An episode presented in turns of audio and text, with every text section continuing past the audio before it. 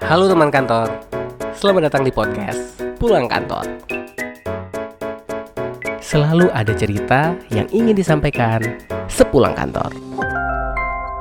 Halo teman kantor, sudah hari Rabu, itu artinya kita akan kembali ada pulang kantor episode yang terbaru. Tetapi sebelum kita masuk ke episode yang paling baru, DP mau ngucapin selamat Hari Raya Idul Fitri untuk teman-teman kantor sekalian yang merayakan Idul Fitri. Pasti seneng banget rasanya ya karena setelah dua tahun kemarin agak susah nih ya merayakan dan membuat perayaan Idul Fitri. Ada sholat idnya kemudian kumpul dengan keluarga. Tapi tahun ini jadi terasa komplit karena semuanya sudah boleh kembali melakukan aktivitas walaupun masih dengan uh, beberapa aturan-aturan ya. Tapi semoga kerinduan teman-teman selama dua tahun belakangan ini bisa terpenuhi ketika sudah memasuki Hari Raya Idul Fitri yang baru kita rayakan kemarin. Dan semoga makin happy, semoga makin senang dan siap kembali memulai aktivitas karena jangan lupa teman kantor, habis liburan panjang teman-teman akan kembali ke aktivitas. Tapi kalau kita berbicara tentang kembali ke aktivitas otomatis akan selalu ada pembicaraan berhubungan dengan pekerjaan dan kantor teman sekalian. Mungkin ada di antara teman-teman yang ternyata setelah Lebaran ini malah mendapatkan satu offering yang baru gitu ya. Yang artinya teman kantor akan mulai bekerja malah setelah lebaran. Wow selamat banget buat teman-teman yang baru terima kerja gitu ya. Tapi ternyata kalau DP bahas tentang yang namanya baru diterima kerja Kemarin waktu uh, eh, DP posting ya di pulang kantor itu ada uh, salah satu episodenya berbicara tentang kalau resign, di situ ada teman DP yang bertanya bahwa wah ini beneran bener-bener memang sesuai sih dengan apa yang aku rasain kalau kan uh, kalau resign tapi ternyata ada satu hal yang membuat aku nggak bisa resign. Sebenarnya udah jenuh sebenarnya udah dapat kesempatan untuk kerja di tempat yang lain. Tetapi pada saat mau resign ada problem. Nah problemnya itu apa? Nah problemnya adalah terkait dengan kontrak kerja ini pasti akan jadi satu hal yang karena beberapa orang sepengetahuan DP sendiri adalah uh, ketika mereka menerima offering tentang pekerjaan kemudian mereka terikat oleh kontrak kerja yang ada di pikiran seorang pekerja hanyalah ya udah yang penting tanda tangan gue sudah mulai bekerja yang artinya oke okay, setiap bulan udah dapat penghasilan. Tapi ternyata nanti DP akan kasih tahu apa problem dari teman DP yang ingin resign tapi ternyata nggak bisa dikarenakan masalah kontrak kerja kita akan coba bahas ya, kita akan coba bahas tentang kontrak kerja. Kontrak kerja itu apa sih sebenarnya? Kontrak kerja itu sebenarnya secara prosedur itu adalah salah satu aturan yang mengikat antara hak dan kewajiban yang di hak yang hak dan kewajiban antara si pemberi kerja dan pekerjanya. Jadi di dalam kontrak kerja tersebut ada dua hal yang saling mengikat yang di mana harusnya kalau kita berbicara kontrak kerja saling menguntungkan untuk kedua belah pihak. Nah, tetapi kalau kita berbicara tentang kontrak kerja di beberapa tempat, di beberapa tempat itu juga ada yang menyalahgunakan istilah kontrak kerja dengan offering letter atau offer letter. Emangnya beda ya DP antara kontrak kerja dengan offer letter? Nah, DP coba cari uh, salah satu artikel dari glints.com. Ini Glints banyak banget ngasih eh, artikel-artikel yang sangat mensupport tenaga kerja. Jadi, apa sih yang membedakan antara kontrak kerja dengan offer letter? Jadi di sini Glints ad, bilang ada empat contoh sederhana untuk bisa kita bisa membedakan apakah yang diberikan kepada kita sebelum kita memulai bekerja itu adalah kontrak kerja atau offer letter. Nah, yang pertama, kalau kontrak kerja isinya itu detail isinya itu sangat jelas ada pihak pertama pihak kedua. Biasanya kalau kontrak kerja seperti itu. Tapi kalau over letter itu sifatnya lebih uh, dia singkat. Mungkin hanya satu lembar kertas gitu biasanya ya. Jadi isinya sangat singkat yang seperti kayak ya udah kamu mulai kerja per hari ini. Udah kayak gitu. Itu cukup singkat kalau over letter. Jadi kalau kontrak kerja dia biasanya ada pasal-pasalnya. Kemudian kontrak kerja itu bersifat e, mengikat secara hukum seperti yang DP bilang tadi bahwa memang akan ada kesepakatan antara pemberi kerja dan pekerja dalam aturan-aturan yang terikat secara hukum. Nah, kalau over letter biasanya tidak terlalu formal. Jadi di dalam over letter itu hanya berisikan kertas yang e, berisikan tentang ya penawarannya. Jadi atas nama misalnya teman kantor atas nama Budi gitu ya, bekerja jabatannya sebagai A, terus e, mulai bekerja tanggal sekian, gaji yang didapatkan sekian. Nah, itu sebenarnya adalah offer letter. Berbeda dengan kontrak kerja karena kalau kontrak kerja itu dia lebih detail. Ada beberapa hal-hal yang penting yang harus diperhatikan biasanya identik dengan aturan-aturan uh, ketenaga kerjaan biasanya. Nah, kemudian yang ketiga, apa yang membedakan antara kontrak kerja dengan offer letter? Kontrak kerja itu terdapat data gaji, tanggung jawab yang harus dikerjakan dan informasi detail lainnya. Biasanya kalau kontrak kerja itu ada beberapa poin-poin seperti gaji itu misalnya tunjang uh, gaji pokok berapa, tunjangan berapa dan lain sebagainya. Jadi detail. Kemudian tugasnya si pe pekerja apa, hak yang bisa diperoleh oleh pekerja yang diberikan oleh uh, seor, uh, dari pemberi kerja itu seperti apa. Nah, itu terdapat pada kontrak kerja. Tetapi kalau offer letter biasanya hanya gambaran aja. Gambaran itu sederhana kayak gini nih. Tugas membuat desain, membuat desain yang berhubungan dengan presentasi, membuat uh, kemudian membantu operasional dalam hal penjualan. Nah itu masih gambaran aja. Kita nggak tahu detail penjualan penjualan apa, produk apa itu nggak jelas ya. Jadi kalau offer letter dia hanya gambaran umum aja. Terus yang paling penting perbedaan antara kontrak kerja dengan offer letter adalah kalau kontrak kerja udah pasti. Ya, ketika yang namanya kontrak kerja, apa yang tertera dalam kontrak kerja yang sudah disepakati itu adalah sesuatu yang pasti akan teman-teman kerjakan dan sifatnya adalah mengikat. Jadi ketika teman-teman sudah menantangani kontrak kerja, artinya itu udah pasti tugas tanggung jawabnya, gajinya udah pasti di situ. Nah kalau over letter ini berbahayanya, detailnya masih bisa dinegosiasikan walaupun itu sudah ditandatangani. Jadi bisa jadi di tengah jalan nanti ya udah uh, kayak ini karena kamu nggak perform ya udah uh, sorry ya tunjangan kamu hilang dan sebagainya atau sorry ya job desknya jadi nambah lagi nih karena saya lihat kamu masih punya banyak waktu lowong dan sebagainya. Nah, jadi teman-teman sudah ada gambaran nih sekarang setelah DP jelaskan berdasarkan artikel dari Glints apa sih membedakan antara kontrak kerja dengan offer letter? Jadi pastikan ketika teman-teman misalnya nih ya habis lebaran ini ternyata dapet offering baru nih. Oke, akhirnya gue keterima dan gue dinyatakan lulus untuk bisa bekerja di satu perusahaan. Coba dipastikan yang diterima adalah offer letter atau kontrak kerja karena sekali lagi kontrak kerja dan offer letter itu uh, berbeda jangan sampai nanti teman-teman terjebak nah terus tadi kalau sudah tahu nih DP antara kontrak kerja sama offer letter nah kalau sekarang kita berbicara tentang kontrak kerja aku udah pasti nih gue udah pasti nih DP bahwa yang diberikan oleh perusahaan ini adalah kontrak kerja. Terus apa sih yang harus diperhatikan? Nah, di sini dari Glins masih dari Glins DP coba ambil. Yang pertama yang harus diperhatikan ketika kita menandatangani kontrak kerja adalah yang pertama kita harus tahu status kita status kekaryawanan kita seperti apa sama masa kerjanya itu berapa lama. Karena status ini penting ya. Misalnya contoh kontrak kerja ini mengikat selama satu tahun sebagai karyawan kontrak. Ya udah berarti selama teman-teman e, bekerja di satu perusahaan statusnya teman-teman adalah sebagai karyawan kontrak di, di kantor tersebut dengan durasi satu tahun. Artinya sekarang kembali ke teman-teman. Teman-teman setuju nggak sih bahwa teman-teman akan dinyatakan sebagai karyawan kontrak dengan masa kerja selama satu tahun?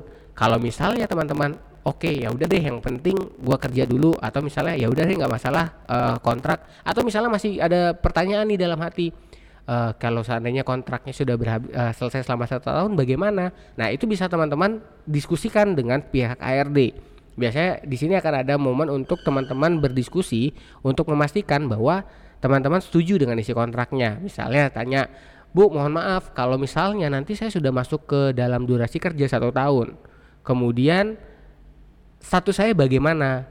Apakah masih kontrak dengan perpanjangan e, kontrak kerja atau uh, akan selesai langsung di situ. Nah, nanti akan dijelaskan tuh biasanya sama pihak HRD bahwa oke okay, kalau misalnya sudah selesai kontraknya nanti akan ada perpanjangan kontrak. Kemudian akan misalnya ada evaluasi, evaluasi untuk misalnya dinaikkan dari kontrak menjadi tetap. Nah, itu akan di uh, kalau misalnya teman-teman masih belum ngerti, silakan boleh ditanyakan karena ini adalah sesuatu yang penting sebelum kita menandatangani kontrak kerja agar segala sesuatunya tidak kita sesalkan di kemudian hari. Jadi status kerja kita harus jelas, masa kerjanya berlaku berapa lama dalam kontrak kerja tersebut. Nah, itu yang pertama. Kedua, terkait dengan yang namanya nominal gaji. Nah, ini juga sangat sensitif sebenarnya karena kalau kita berbicara tentang gaji, semua orang yang bekerja pasti endingnya adalah melihat nominal gaji. Biasanya yang membuat kita excited itu adalah apabila kita punya target ya. Kita punya target, kita pengen nominal gaji segini, kemudian harga yang dibayarkan atau nominal gaji yang tertera dalam kontrak kerja itu sesuai dengan ekspektasi kita. Pasti akan dijamin excited. Tetapi tolong yang dipastikan uh, oleh teman-teman di sini adalah ketika teman-teman melihat nominal gaji, tolong perhatikan ada beberapa aspek-aspek karena kalau gaji itu biasanya yang DP ketahui adalah gaji itu memiliki beberapa variabel. Variabel itu contohnya seperti ada gaji pokok nominalnya berapa. Kemudian kalau ada tunjangan-tunjangan bisa di, dijabarkan di situ. Misalnya tunjangan kehadiran misalnya atau tunjangan makan dapat berapa berapa ribu sih per hari. Nah, jadi nanti nominal itu akan diakumulasikan dengan uh, antara gaji pokok, kemudian ada tunjangan makan, tunjangan transport dan sebagainya. Nah, itu adalah jumlah gaji yang akan teman-teman terima. Tapi harus diperhatikan sekali lagi terkait dengan gaji. Biasanya di situ juga akan ada keterangan-keterangan terkait dengan uh, deduction atau potongan-potongannya. Nah, jadi teman-teman harus tahu juga kalau misalnya dengan kontrak kerja ke, sebagai uh, karyawan kontrak itu ada potongan atau enggak atau misalnya sebagai karyawan tetap ada potongan atau tidak biasanya sih kalau potongan itu identik sama uh, terkait dengan asuransi sih ya biasanya ya asuransi seperti BPJS ketenagakerjaan atau BPJS kesehatan. Biasanya uh, potongannya akan muncul di sana. Tetapi tolong yang pasti teman-teman pastikan dulu nih bahwa nominal yang memang tertera dalam kontrak kerja itu adalah nominal yang teman-teman sudah memang ekspektasikan. Atau kalau misalnya teman-teman masih berpikiran bahwa apakah ini akan terus uh, sebagai nominal gaji yang teman-teman akan terima, teman-teman boleh diskusikan dengan tim HRD-nya misalnya apakah nominal ini akan terus bertahan di angka segini atau ada growth-nya. Kalau misalnya ada growth, apa yang harus dilakukan? Nah, itu juga harus teman-teman pastikan uh, agar teman-teman tahu bahwa uh, nanti ketika teman-teman bekerja, ini loh nominal yang akan gue dapatkan setiap bulannya. Intinya adalah gajinya udah take home pay atau uh, gaji bersih yang teman-teman terima. Dan biasanya yang jadi patokan juga oleh teman-teman ketika melihat gaji itu adalah nilai UMR atau UMK-nya tergantung dari di mana teman-teman berada. Misalnya teman-teman berada di kawasan Jakarta, berarti Jakarta di bagian mana nih? Jakarta Pusat kah atau di Tangerang kah? Nah, misalnya kalau di Tangerang ya berarti UMK-nya disesuaikan atau UMR-nya disesuaikan sama UMR dari Tangerang. Nah, itu yang kedua terkait dengan gaji. Yang ketiga adalah terkait dengan pajak penghasilan. Biasanya sebuah perusahaan itu pasti akan ada mengenakan salah satu variabelnya itu adalah variabel pajak penghasilan. Ini tadi masuk ke dalam potongan-potongan terkait dengan gaji tadi ya, nilai gaji tadi, nominal gaji. Jadi pastikan bahwa nilai yang teman-teman terima itu sudah bersih dalam hal ini sudah terkena potong dari biaya pajak Kenapa DP bilang seperti itu? Teman-teman agar nggak pusing sih sebenarnya nanti ketika uh, biasanya selalu dilakukan itu di bulan Maret setiap tahunnya yaitu pelaporan pajak. Nah, kalau misalnya teman-teman terima bersih tanpa ada potongan pajak, nanti yang rumit adalah teman-teman sekalian. Karena biasanya nanti ketika pelaporan teman-teman akan ngurus SPT sendiri. Terus kalau misalnya belum ada pembayaran-pembayaran pajak sebelumnya, ya teman-teman harus bayar dulu tuh pajak penghasilannya. Tapi biasanya standarnya dari sebuah perusahaan, kalau perusahaannya bagus ya, atau perusahaannya sudah mengikuti standar aturan legalitas yang ada di Indonesia, pasti terkait dengan pajak itu sudah dikenakan PPH ya PPH 21 sih biasanya dari kantornya. Jadi nanti teman-teman ketika terima gaji terima gajinya itu sudah yang gaji memang yang memang teman-teman akan pegang gitu. Kalaupun ada potongan potongannya sudah dipotong PPH atau di, dikenakan pajak penghasilan. Terus yang keempat yang harus diperhatikan juga ketika kita membaca kontrak kerja kita diberikan jaminan nggak sih gitu Jaminannya apa nih? Ya ketersediaan asuransi yang sederhana aja. Uh, asuransi yang paling gampang itu adalah asuransi dari pemerintah yaitu BPJS, BPJS Ketenagakerjaan sama BPJS Kesehatan. Asuransi yang dimaksud di sini misalnya terjadi kecelakaan kerja, misalnya uh, kita sakit, itu kita dapat tanggungan nggak sih dari kantor kita?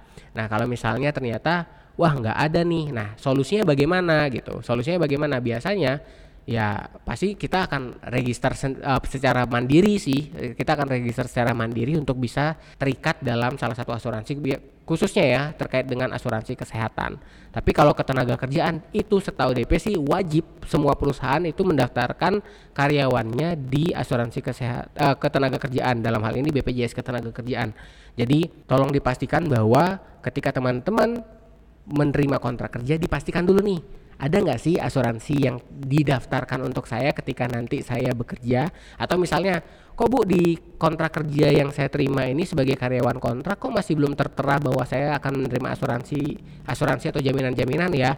Nah itu ditanyakan boleh ke bagian, HRD biasanya asuransi ini juga tergantung perusahaannya sih akan diberikan kepada level-level tertentu. Misalnya kalau dia sudah di level misalnya kalau kita bilang contoh kontrak kerja itu kan ada kontrak PKWT ya PKW kontrak PKWT atau PKWTT PKWT itu adalah perjanjian kerja waktu tertentu terus kalau PKWTT perjanjian kontrak waktu tidak tentu. Nah kalau kontrak uh, eh, PKWT ini biasanya sudah harusnya sudah ada ikatannya ya. Kalau sudah menjadi seorang PKWT biasanya kontrak kerjanya sudah include dengan asuransi kesehatan dan asuransi ketenaga kerjaan biasanya. Karena di situ akan banyak ada potongan-potongan yang berhubungan dengan asuransi. Oke? Nah yang terakhir nah ini yang DP mau bahas terkait dengan apa sih yang harus diperhatikan dari kontrak kerja.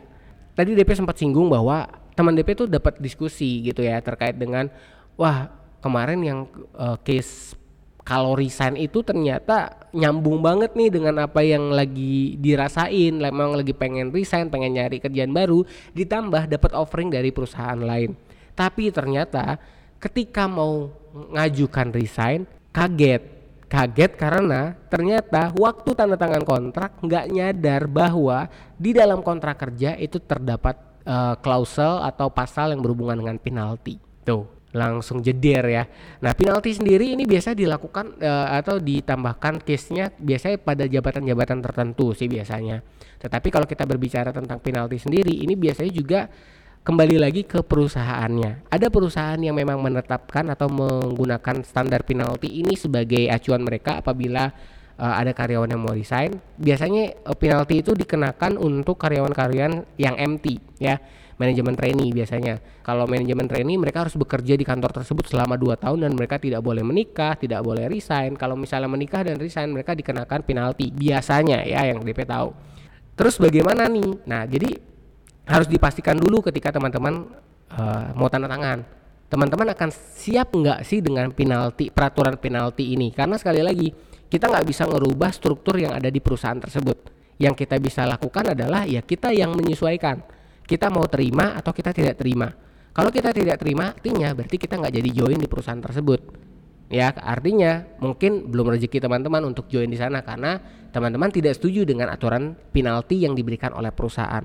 Tapi kalau misalnya, ya udah deh, gua ambil aja. Yang penting gua kerja dulu. Kalau teman-teman sudah komit untuk menandatangani kontrak kerja yang berisikan close penalti, artinya apa pun yang menjadi tanggung jawab dan uh, apa pun yang menjadi resiko dari penalti itu sendiri harus teman-teman siap tanggung. Apalagi kalau misalnya durasi bekerjanya panjang nih, ya. Biasanya orang-orang yang uh, bekerja atau kontraknya itu dua tahun, tiga tahun itu biasanya pasti akan ada penalti. Apalagi dia mengisi posisi-posisi tertentu saat bekerja.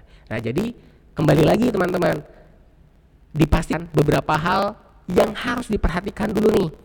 Jangan sampai ternyata happy wah akhirnya keterima kerja di tempat baru gitu. Akhirnya memulai kerja nih di tempat yang baru. Eh ternyata setelah lihat kontrak kerja udah ngurusin resign di perusahaan lama.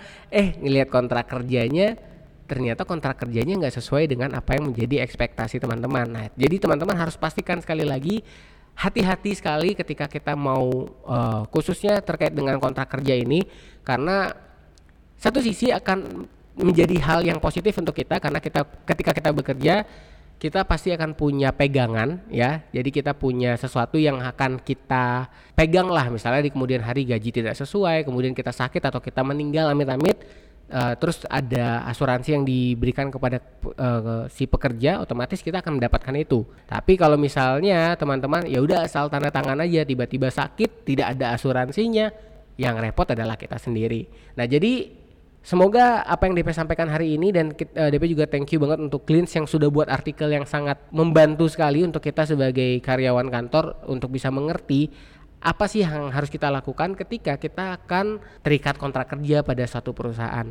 Jadi semoga teman-teman ini akan menjadi satu hal yang baik untuk teman-teman. Jadi teman-teman tahu apa yang harus teman-teman kerjakan, apa yang teman-teman harus pelajari sebelum menandatangani kontrak kerja. Mungkin itu aja dari DP untuk episode hari ini agak lama dikit nggak apa-apa ya. semoga teman-teman bisa mencerna dengan baik dan semoga ini bermanfaat untuk teman-teman. Sampai ketemu di episode selanjutnya. Bye bye.